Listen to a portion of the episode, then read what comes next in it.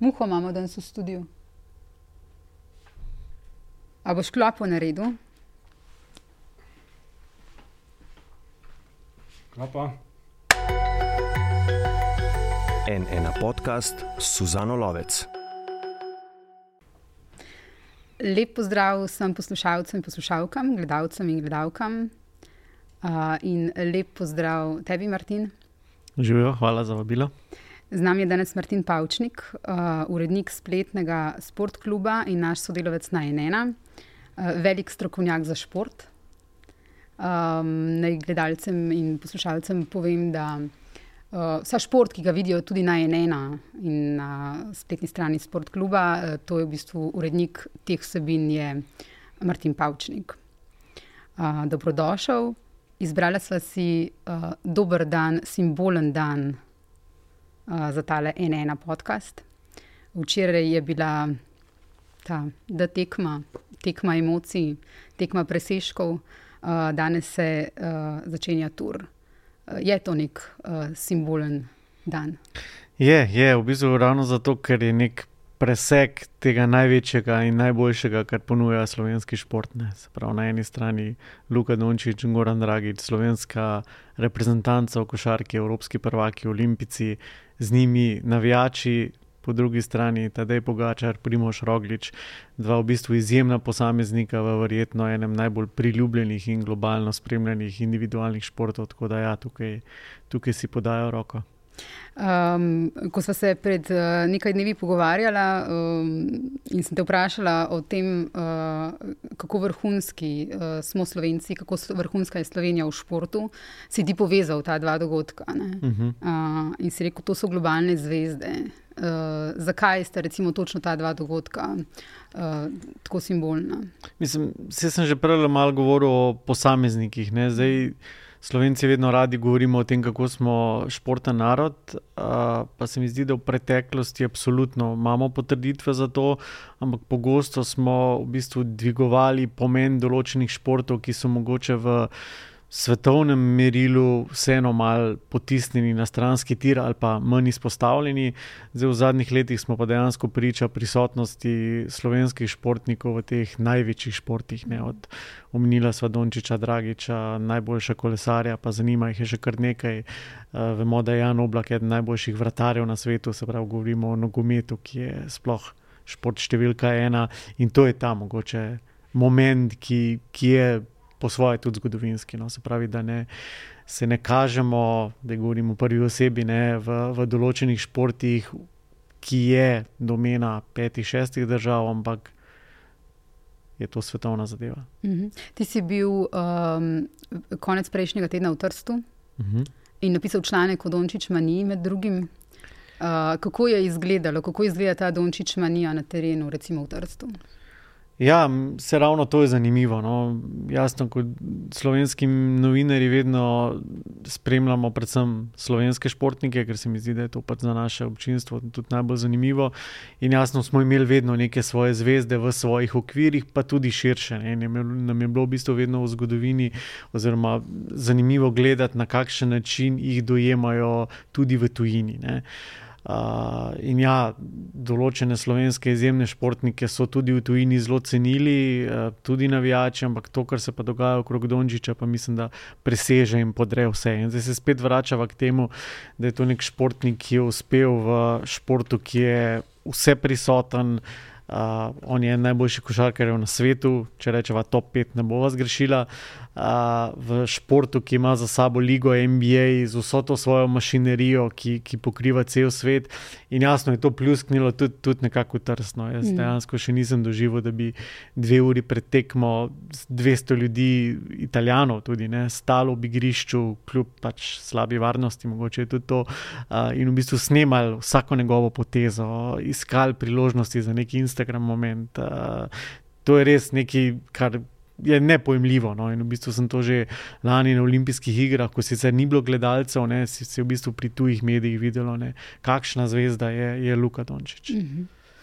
Um, včerajšnja tekma, verjetno si jo bomo uh, z izjemnim rezultatom, sicer, ampak si jo bomo verjetno zapomnili, vsej mnogi od nas, uh, po teh neverjetnih emocijah in kemiji uh, po tekmi, ne, po, po tej uh, neverjetni kemiji med Dragičem in Dončičem, ki, ki je nalezljiva, ki v bistvu gre tako gledalcem uh, srh uh, uh, po koži.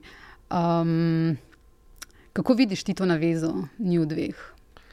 Um, v bistvu mogoče malo vidim na drugačen način, predvsem primerjavo tega, kar smo videli včeraj, uh -huh. pa to, kar sta ona dva bila leta 2017. Ne? Leta 2017 je bil Goran Dragič tisti nesporni voditelj, kapetan. Jaz sem večkrat napisal, da je on na novo definiral vlogo kapetana, ne, ne, ne za košarko, ampak v bistvu za vse mm. slovenske športe. Uh, Luka je bil pa tisti najstnik, prihajajoča zvezda, ki mu je Goran kot nesporni voditelj, kapetan, odprl vrata v garderobo, v reprezentanco, na končni fazi si ga je zbral za cimra, prevzel vlogo mentorja, brez tistega kančka občutka on me bo zasenčil, on je nova zvezda. Ne, jaz te bom vse naučil, vse ti bom predal, skupaj bo nekaj dosegla. In to je bila ena taka naveza, ki je takrat klapala. Se pravi, Gogi vodja, po drugi strani Luka. Prihajajoča zvezda, ki je vendarle že na neki visoki ravni in v bistvu svoje doseže.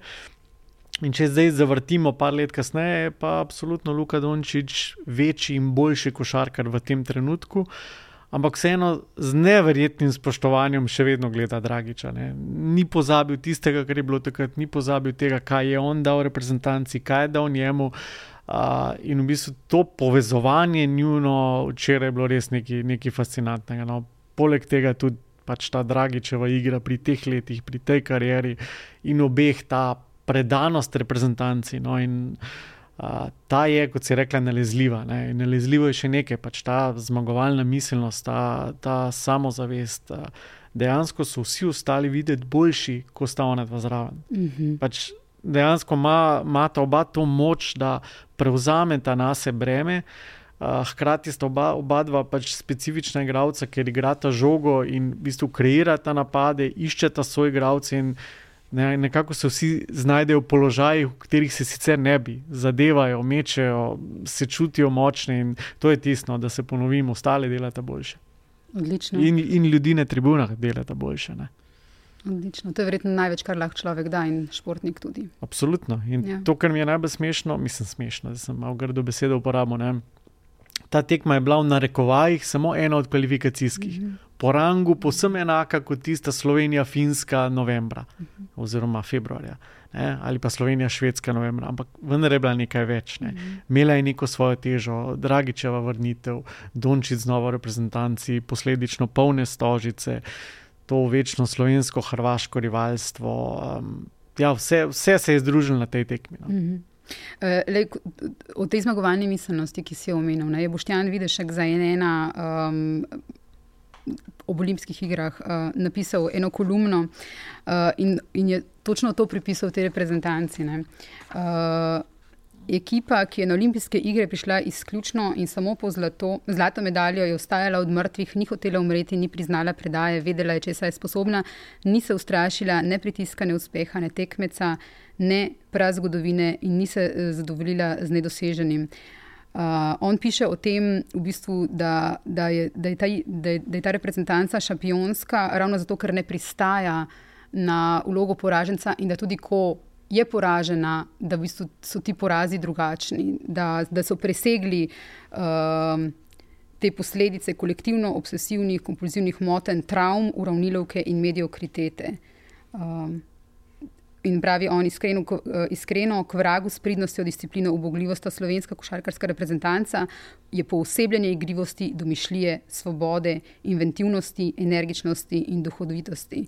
Um, in to je verjetno to, uh, kar, kar jih dela drugačne ta zadnja leta, od, od športa, ki smo ga bili vajeni, recimo, pa te travme slovenske, ko je nekdo Sigur, slabši. Ko, ja. ne, niti ne gre samo za košarkarsko reprezentanco. Uh mhm. -huh. Mislim, da je to neka rekovaj, problematika, bila na splošno slovenskega športa. Biti prehitro zadovoljen z nekim ciljem, biti v glavi in svojem zavedanju majhen. uh, biti premalo drzen. Sej zdaj mi tle lahko to govorimo, ampak ja, te, te zadeve so, so, so, so zaznamovale slovenski šport. Uh, se pravi, se zadovoljiti mogoče z etapnim ciljem, čeprav obstaja še nek večji cilj. Ne.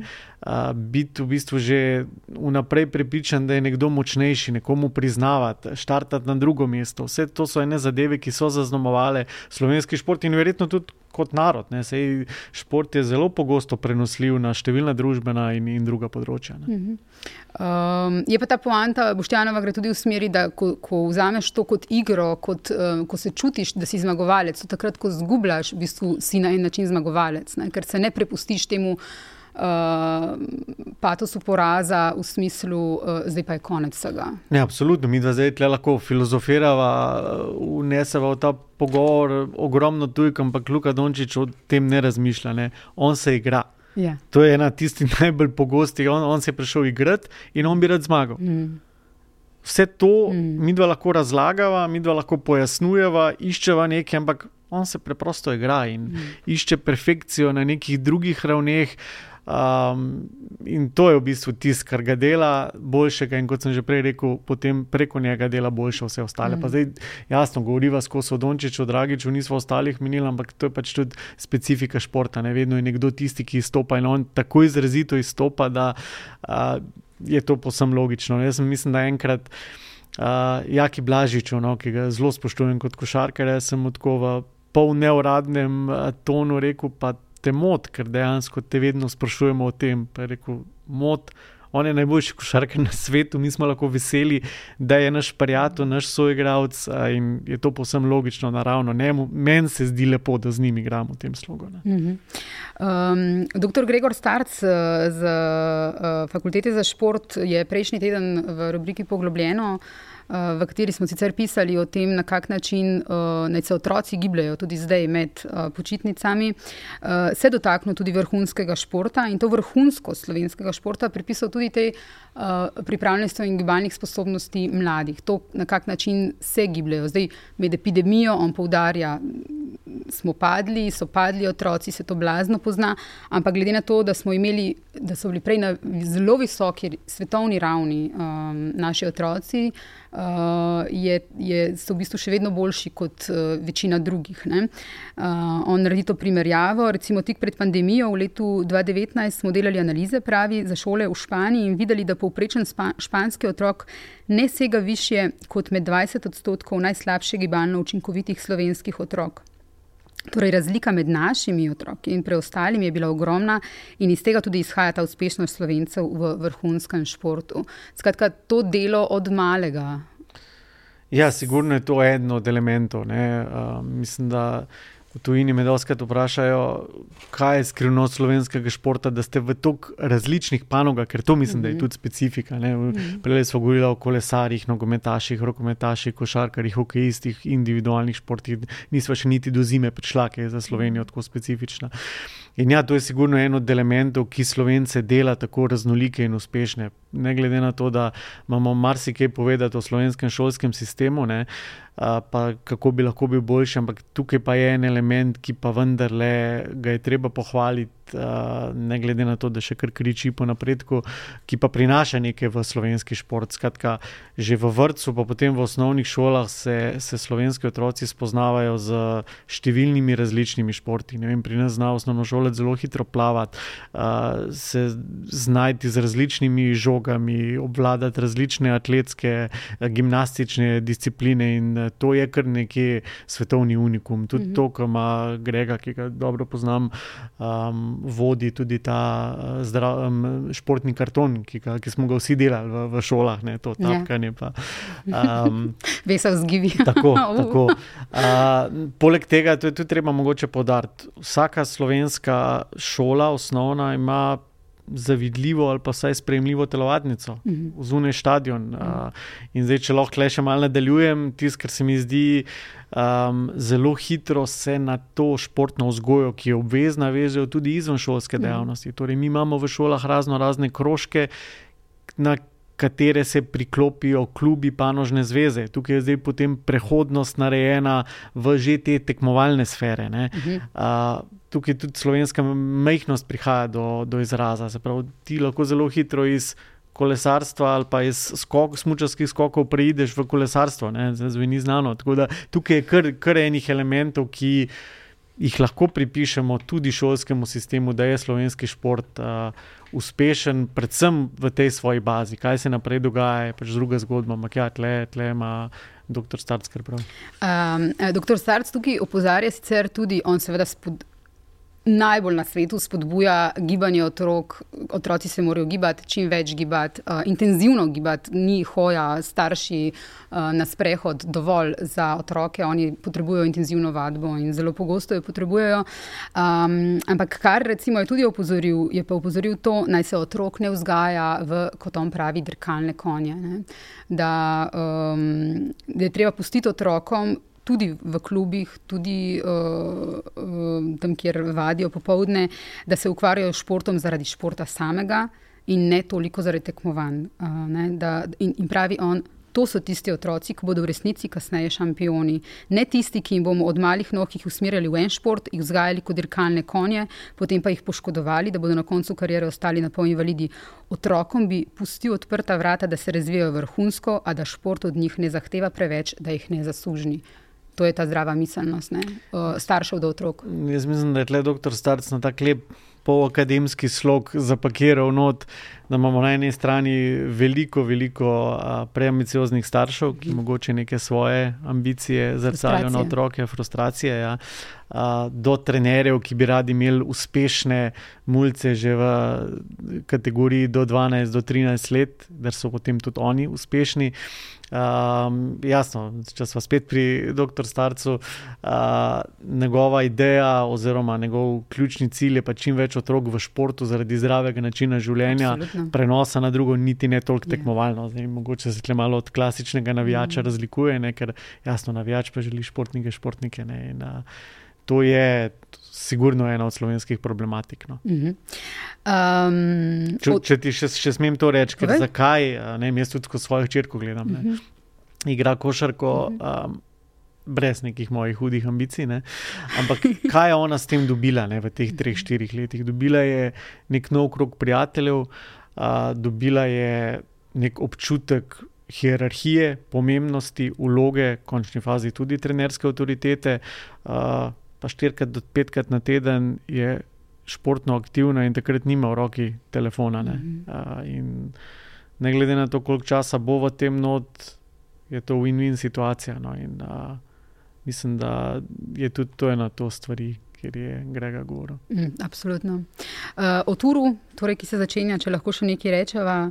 Um, kolesarstvo je uh, Brala sem tudi te znanstvene članke o kolesarstvu. To, to je v bistvu uh, izjemno boleč, trpeč šport. To je, to je šport, kjer, kjer, kjer gre človeško telo čez take napore, da so v bistvu uh, nepredstavljivi. Ne. Um, tudi, tudi način, na kakšen, uh, kako izgledajo kolesari po teh etapah, ne, se vidi to trpljenje telesa. In vendar grejo čez.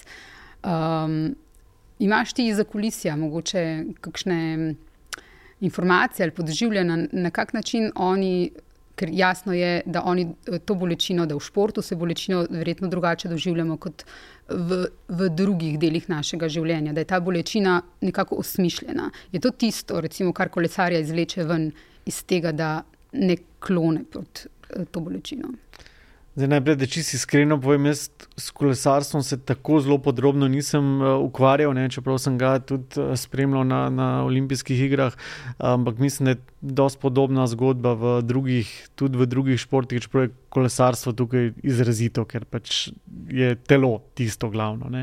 Ampak ja, mislim, da bolečina je nekaj, kar je pa tudi trpljenje v končni fazi, je nekaj, kar športnik sprejme kot neko ceno. Mhm uh, in ne razmišlja o tem, kako trpi. In dejansko gre le za podrejanje vsega nekemu končnemu cilju. Ja.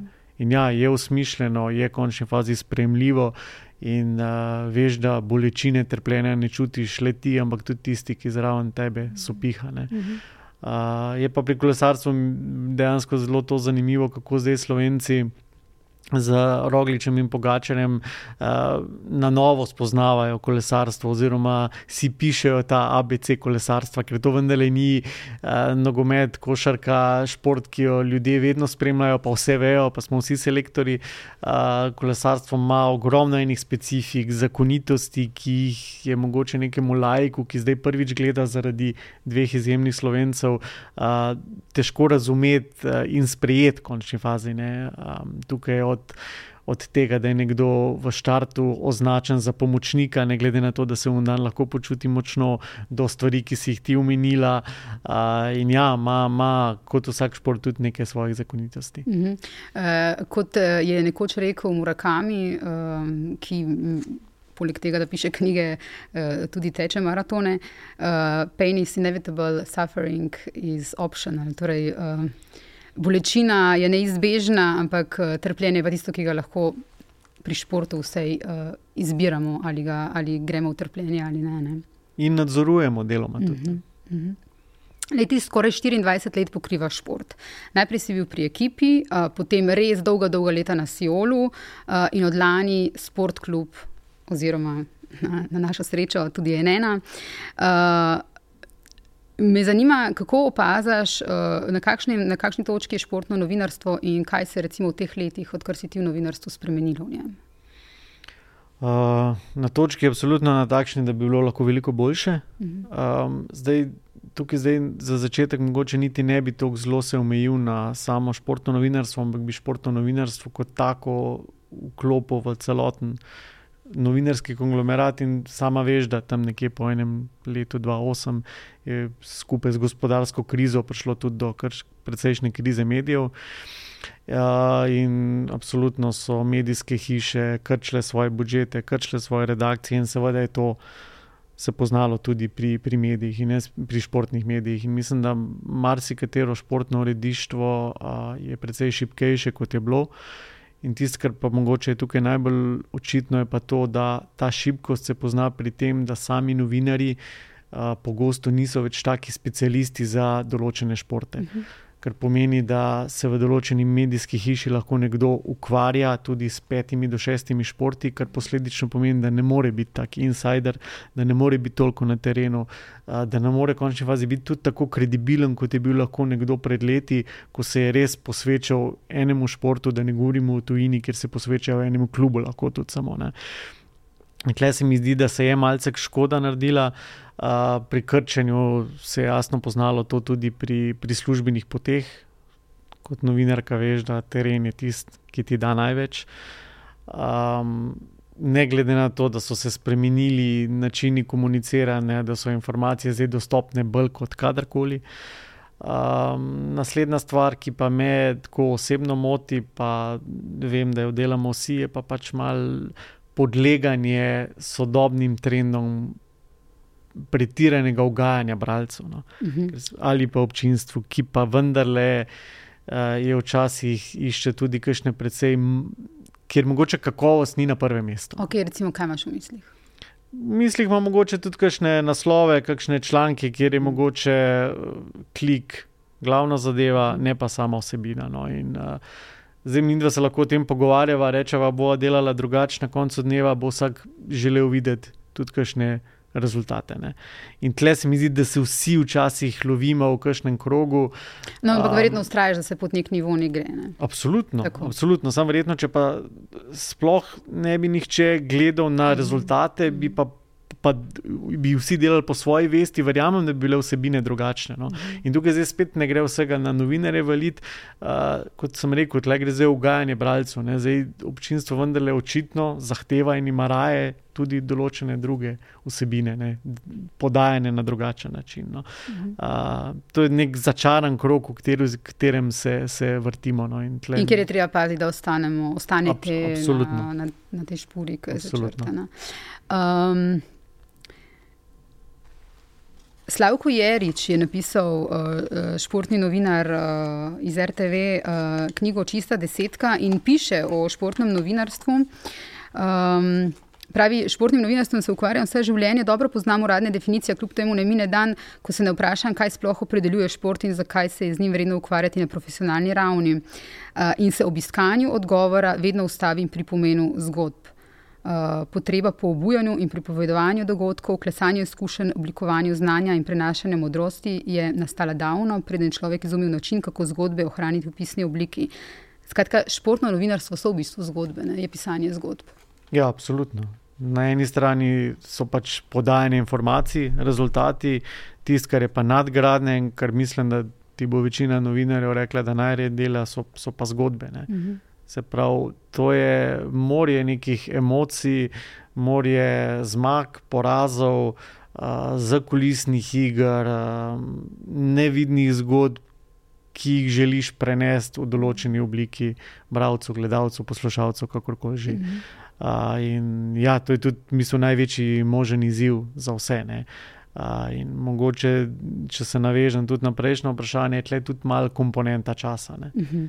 Uh, se mi zdi, da če bi imeli vsi malo več časa, ali pa bi mogoče bili posvečeni določeni temi ali zgodbi, ko smo ravno pri zgodbah, bi bilo teh zgodb še več, bi bile še boljše. Ampak jasno, treba je biti včasih tudi realen, pa se zavedati nekih prioritet, ki je vklestati. Ampak ja, zgodbe so tiste, ki jaz bi sam zgodbe delal, če bi se dal. Uh, no, in se tudi uh, ti v bistvu jih delaš, če smem povedati. Ker jaz se spomnim, uh, še ko sva delala ti v drugi službi in jaz v drugi službi, ko se nisva poznala in sem te poznala samo po imenu, uh, si v bistvu bil znan kot tisti, ki je recimo. Um, Naredil zgodbo iz, iz športa, ki ni v bistvu mu bil pomemben samo uh, podatek ali pa samo rezultat, ampak je v bistvu šport prinesel vedno kot, kot zgodbo. Uh, ja, zato ker dejansko rezultat je, je fakt, ne, ki ga poda vsak medij. Zdaj, mm. kaj boš pa okoli tega zgradil, je pa, je pa stvar uredništva, stvar novinarja. In, uh, ja, je, kot ponavljam se, no, to je v bistvu kar lep izziv. No, tebe so uh, ena, od, ena od teh zgodb, um, kjer so te drugi novinari vedno navajali ali pa dajali celo za zgled, je bil v bistvu to, kako pogosto si dobil um, neke zgodbe ali pa intervjuje s Tino Maze. Tukaj je nek ta poseben odnos uh, med vama se vzpostavil. Ne? Kako recimo si lahko ti, neki športnici kot je Tina Maze, ki je relativno zaprta bila kot športnica, ne? Uh, do medijev, uh, kako si vzpostavil ta odnos, oziroma na kak način recimo, si ti lahko prišel uh, do nekih stvari, kjer drugi novinari niso blizu prišli. Pa jaz mislim, da je to en odnos, ena zgodba, ki se je gradila del časa. No? Mislim, da stvar, ki je pri tem dosti pomembna, pa mi je mogoče olajšala delo, je, da sem bil praktično zraven že na začetku njene, njene poti. No? Uh, se pri njej v bistvu ta širitev zgodbe nastala z um, odcepitvijo od reprezentance in sodelovanje z Andrejem Masijem. In tukaj je v bistvu tudi Andrej zelo veliko vlogo odigral. No, jaz imam občutek, da si je on v glavi zastavil nekaj medijskih hiš, za katere je videl, da se bolj posvečajo samemu smutku, kot pa vsem ostalim, in je v bistvu tle nek krok vzpostavil in nek krok tudi nekega zaupanja, nekega vzajemnega odnosa in tega pristopa, o katerem govoriš. No. In tle se mi zdi, da je pomembno korektnost z obeh strani. Zdaj so bili tudi. Kakšni pogovori, ki so bili manj prijetni z ene in druge stvari, jasno, ne strinjanje s čim zapisanim, ampak se mi zdi, da vse eno spoštovanje, ki se je pa gradilo tukaj, je pa zelo pomembno bilo pri tem pristopu. Ne. Zdaj, naslednja zadeva je, pa če se spet navežemo od eno predhodnih vprašanj, je terensko delo. Zdaj, če si ti prisoten mm -hmm. na terenu, če si viden. Če imaš stik s temi športniki. Če imaš stik, je povsem drugače, kot če nekoga pokličeš, mu pošleš mail, prideš preko predstavnika za stike z javnosti. Tako da tle mislim, da je morje vsega tega. Um, se pa ne bi čist strinjal, da sem mogoče bil tukaj najbližje, no, mislim, da pokojni Vito Divac. Ja, tudi človek, ki ga neizmerno cenim, ki je tudi meni v bistvu kar veliko pomagal, je bil pa zelo blizu Sistino. No, in, uh, Zato tudi v bistvu tista knjiga, ki jo je napisal skupaj. Mm -hmm. In je tudi pomagal, in, in, in to je omenjeno tudi v intervjuju, ki si ga imel ti uh, s Tino Maze pred nekaj meseci, spremenjena Tina Maze, to ni več moj svet. Um, V tem intervjuju med drugim uh, Tina Maze razlaga o uspehih in neuspehih, naredi tukaj neko usporednico med športom in življenjem. Um, Ona pravi tebi, imate prav, danes so zmage medijsko izpostavljene, porazi pač ne. To, da neuspehi človeka oblikujejo. Uspeha ni brez neuspeha. Uspeh me nikoli ni prizadel, saj je nagrada, je veselje, od tega pač ne moreš živeti. Tudi življenje niso le uspehi, so tudi porazi in pomembno je, da ko človek najdeš pravo ravnovesje in se znaš iz neuspehov tudi nekaj naučiti. Šport, torej, uh, Martin, kot uh, neka učilnica za življenje. Ja, se, mislim, da so danes ene parkrat že prišla na to, no, kako prenosljiv je šport na, na ostala področja. No. Tudi v končni fazi veliko je smočar ali drugih športnic, o katerih nismo pisali, ker si v bistvu bil tisti prvi poraz tako velik, tako boleč, da so izginili. Um, zato ja, pri Tini je, ja, je ta njena ustrajnost, je pobiranje po porazih. Je, mogoče tudi neko, neka miselnost, kjer je cilj mogoče včasih zelo pomembnejši od poti. Uh, Nek, kar ima mo močno sporočilno vrednost. No, ja, ta učilnica, jaz absolutno športa nikoli nisem hotel gledati kot neko zaprto škatlo. Ne. Mm. Vedno, vedno me je zanimalo, na kakšen način se, se lahko odslikava to na nekih drugih življenjskih področjih. In, uh, Vem, da ko sem še v prejšnji službi, si zamislil rubriko, ki smo jo s kolegi zelo dolga leta peljali in zdaj še pelejo, druga karijera. Uh, je bilo zelo pogosto vprašanje. Se pravi, tukaj smo se pogovarjali z že upokojenimi mhm. športniki, kaj jim je šport dal, in vsi govorijo o nekih delovnih navadah, o ustrajnosti, o, o tem, kako v bistvu te prvi poraz ne sme potreti. Mhm. Um, V tem intervjuju s Tino Mazo ona uh, govori tudi o teh stiskah. Zdaj prihajamo na ta del, ki ga uh, navijači, gledalci, bralci običajno a, ne vidimo ali pa ga nočemo videti. Um, tudi na področje, kjer športniki pogosto ostajajo sami, kjer so nevidni, kljub temu, da so v uspehih, pričakovanjih naših zelo vidni. V prvem planu uh, se pogosto zgodi, da, da pri teh stiskah ostanejo sami in tudi pogosto nerazumljeni. Um, in uh, Tina Maze pravi, uh, da so bile te stvari stalno prisotne ne, in da morda ni prav, da se o tem javno ne govori. Uh, kako naporen je torej tekmovalni šport v, v tem smislu?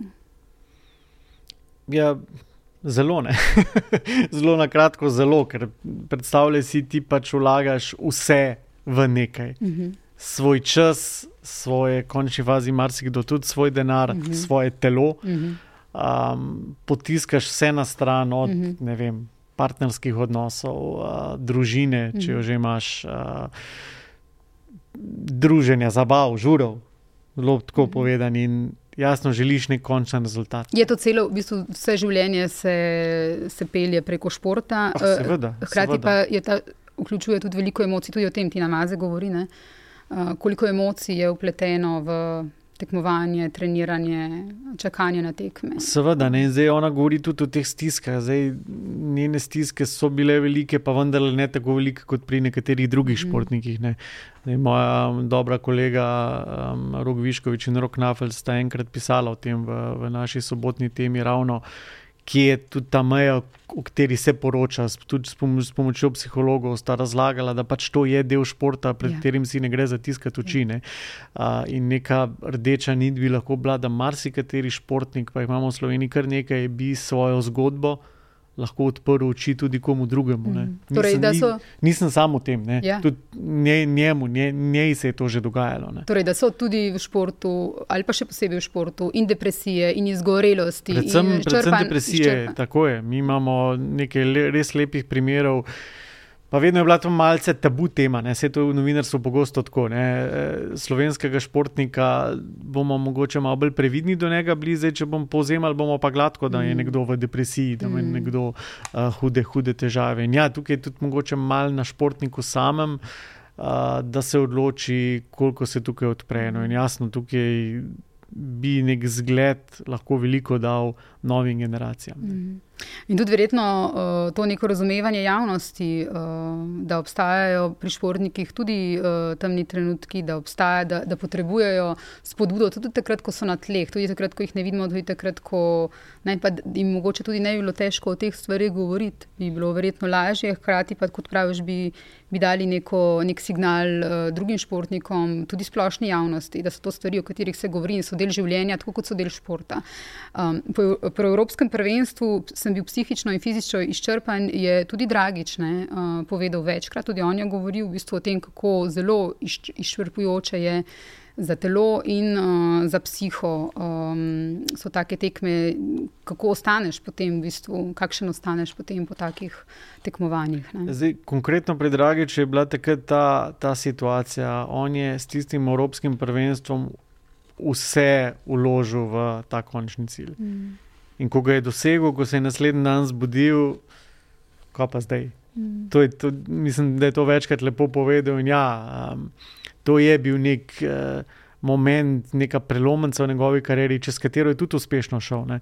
In mislim, da je potem nekaj tudi pojasnil, da pri njemu to ni bila zdaj tako huda, neka drama. Ne? Mm -hmm. Ampak vseeno on je imel težave z motivacijo. To je, ravno to je motivacija. No. Sej, spet smo pri tem, da se v življenju je verjetno uh, zelo podobno, ne. tudi na nekih drugih področjih. Se pravi, se motivirati, se gnati, vedno za nove cilje. In jaz ravno zaradi tega tako zelo spoštujem tiste največje šampione, ki v seriji dosegajo določene rezultate. Ker ko ti enkrat zmagaš vse, kar se zmaga, da kaj ti še ostane. Še enkrat isto ponoviti, še bolj močno, še močneje, še, še uh, jasneje vse premagati. Kaj, kaj tisto, kar te še žene naprej? Ne?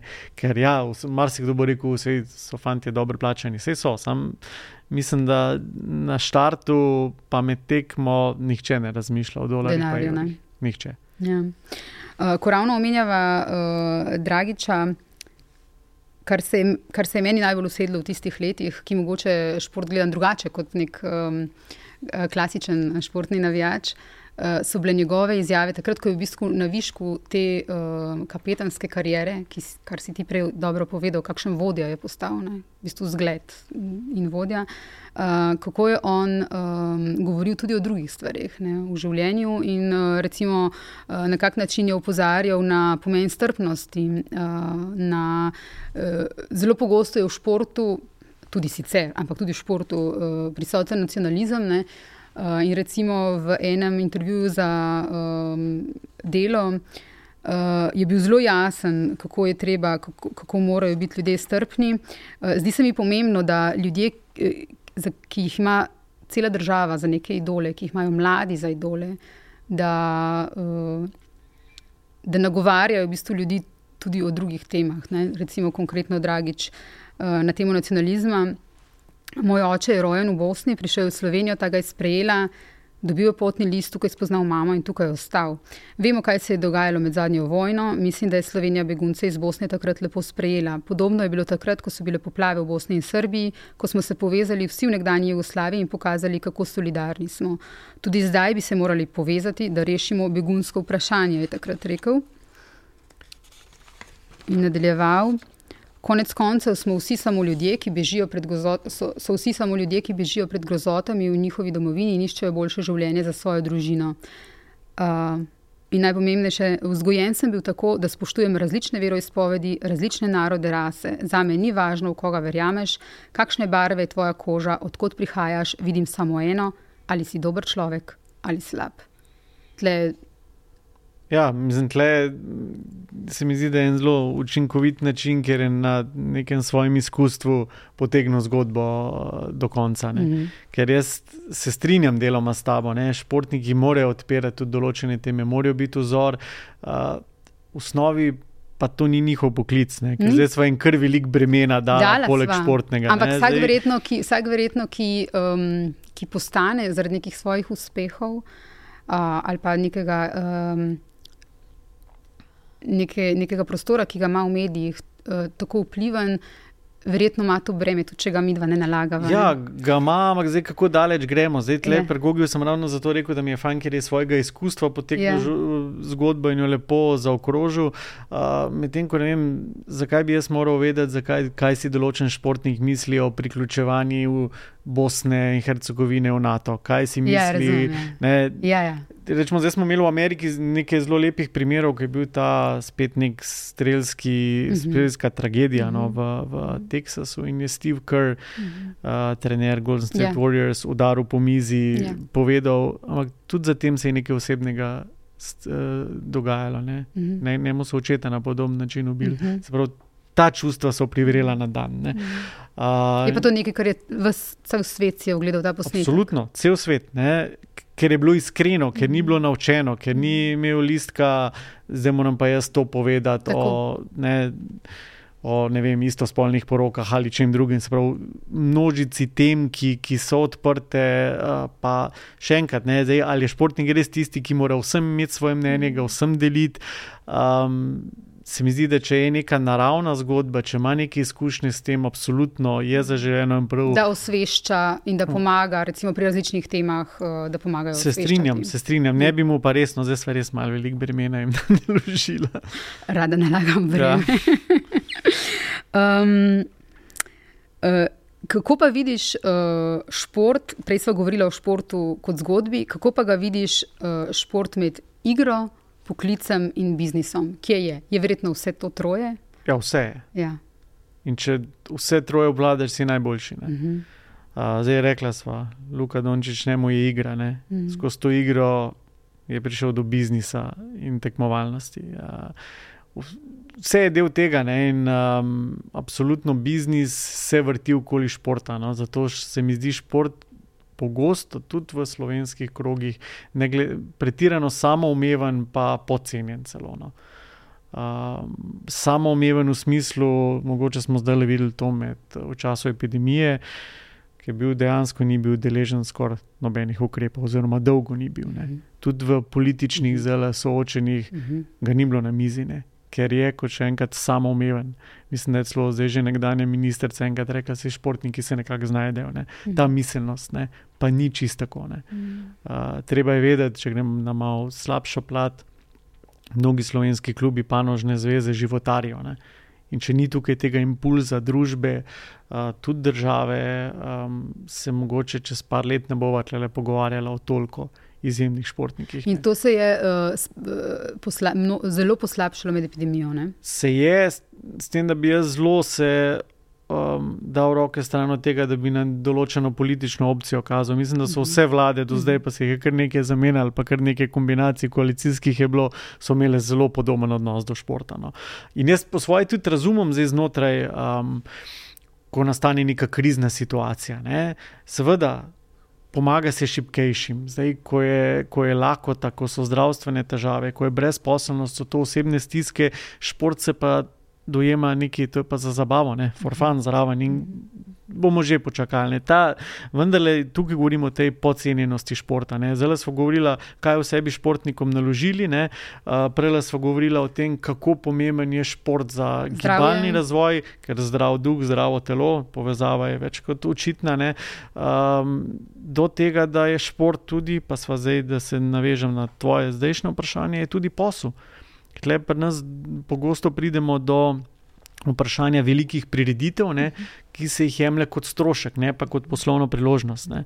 Tukaj govorimo o tem podcenjenosti. Šport je posel, šport je panoga, šport je v končni fazi tudi gospodarstvo. Tega v Sloveniji ne znamo dobro izkoristiti, tega dela. V določenih momentih smo ga, ampak pogosto, ko se gre za organizacijo tekmovanja, uh, to je pa strošek, to je pa delo, ne, ne, ne pa poslovna priložnost. No. In, uh, tukaj se mi zdi, je ravno s temi športniki, ki so na voljo, vendarle še kar nekaj prostora. No. Je iz tvoje kariere, recimo, kakšen bi izpostavil kakšno državo ali pa kakšen klub ali pa mm, šport, kjer, kjer znajo to drugače delati, ki bi bil za zgled, recimo Sloveniji, no? recimo država.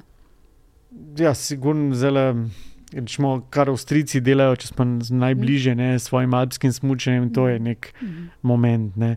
Uh, kako so Nemci v bistvu celoten svoj klubski šport dvignili na neke više obrate, je tudi fascinantno. Pa ne glede na to, da v določenih športih mogoče niso najboljši, ampak kako imajo oni vse te klubske tekmovanja urejena, je, je absolutno lep lep zgled. No. Do organizacije samih velikih tekmovanj, kjer se, to pa zdaj govorimo o številnih drugih državah, kjer se razume, da a, so prihodek tudi navijači, ki pridejo, spijo pivo, kupijo, um, kupijo šal, kupijo a, razglednico. Je v gostilni. Tako in vidijo lepote države, ne? če mhm. govorimo zdaj o Sloveniji, ki tako zelo radi podarjamo, da je lepa in dostopna. In tudi je, ne? jaz mhm. blazno dobro počutim v svojem mestu in svoji državi, in je lepa. Um, in šport dejansko to lahko prinese. Um, govorila smo že nekaj o emocijah v športu. In kaj vse prinesejo s sabo, prinesejo pa verjetno, ali pa so povezane tudi z nekaterimi uh, manj mislim, negativnimi stvarmi, torej omenila sva že nacionalizem, uh, ki je med navijači pogosto prisoten. Kako recimo se, uh, imaš kakšno rešitev, kako uh, bi ohranili šport, kako, kako narediti, da je, da je navijanje uh, samo ponos ali pa podpora. Ne pa tudi nacionalizem. Poznamo te izgrede, poznamo, to, to se dogaja še v 21. stoletju. Uh, obstaja tukaj neka rešitev, ali pa če recimo športni novinari razmišljate, uh, kako se izogniti nacionalizmu, seksizmu v športu, tega je izjemno veliko, recimo v športu. Zdaj, ko govorimo o nacionalizmu, zelo, zelo tanka je meja med domoljubjem in mm -hmm. nacionalizmom. Tako. Ne samo v športu, zdaj pa spet pri tem. Uh, šport ima pa ta problem v narekovajih, da, da mu je imanentna tekmovalnost, imanenten mu je kleš. Mm -hmm. In tukaj v bistvu ravno hitro preskoči, preskoči ta izkaz. Zdaj, moje pojmovanje tega je, kako bi temu rekel, da dokler spoštovanje ali pa končni fazi tudi navijanje za nekoga ne izključuje drugega, ni izključevalno ali celo sovražno do drugega, je ok, smo v redu v okvirih. Mhm. Ko to presežeš, imamo težavo. In ja, tukaj, ravno tukaj je mogoče šport lahko veliko večji zgled. Ne? Je pa te zadeve ravno zaradi čustev, ravno zaradi nepredvidljivosti teže kontrolirati. Sama tekma prinese ogromno nekih nepredvidljivih situacij, čustva so izjemna, glave so vroče, že pri samih športnikih, tudi navijačih. Rečeš, storiš kaj, kar sicer mogoče tudi ne bi. Ne. In to je absolutno ena težava, verjetno za dodaten pod podcast. Ne. Podobno je seksizmom, ne, ki je mhm. absolutno ga šport, kot tudi vsa družba, druga področja razkriva. S tem, da pri športu je mogoče specifično tudi malce to, da tle, če smo zdaj pri seksizmu. Če ženske nekoč niso smele niti nastopati in spremljati tekmovanj, ne, je, se pravi, to je bilo tudi eno od temeljev tega ločevanja. Ne, in se je ah, absolutno to hranilo za danes, čeprav se mi zdi, da se tukaj delajo kar veliki koraki. No. Je pa mhm. veliko mogoče, to boš ti bolj ocenila kot gledalka ne, tega prikritega seksizma. Ne, ker tudi, tudi seksizem ima veliko yeah. Ja. različnih stopenj in marsikaj ti dojemaš kot seksistično, pa jaz mogoče ne. ne. Mhm. Hoče, že sem jaz bolj občutljiva na to. Mogoče, Prav. ne vem. Ja. Uh, veš, je seksizem, um, veš, če mi dva delava v isti službi. Ne, isto delovno mesto, je logično, da bo imela isto plačo. Ja, ženske so pa v športu precej slabše plačane. Ampak je to seksizem ali je v bistvu narekovanje samega trga, da ima Luka Dončić tako plačo, te oblak pa tako? Ne? Ker dejansko on s tem svojim delom ustvari ta kapital, ker dejansko je tukaj tudi razlika med določenimi športi. Zakaj nek mm. kajakaš je slabše plačan od mm. uh, nogometaša, ker pač nogomet kumulira toliko več kapitala, ker ima veliko več občinstva, ker ima veliko več posledično medijske pozornosti, pokroviteljev, prodaje artiklov. Pravi, tukaj ni vse seksizem, kar mogoče deluje na prvi pogled. No. Se pa strinjam, ja, da bi že novinari.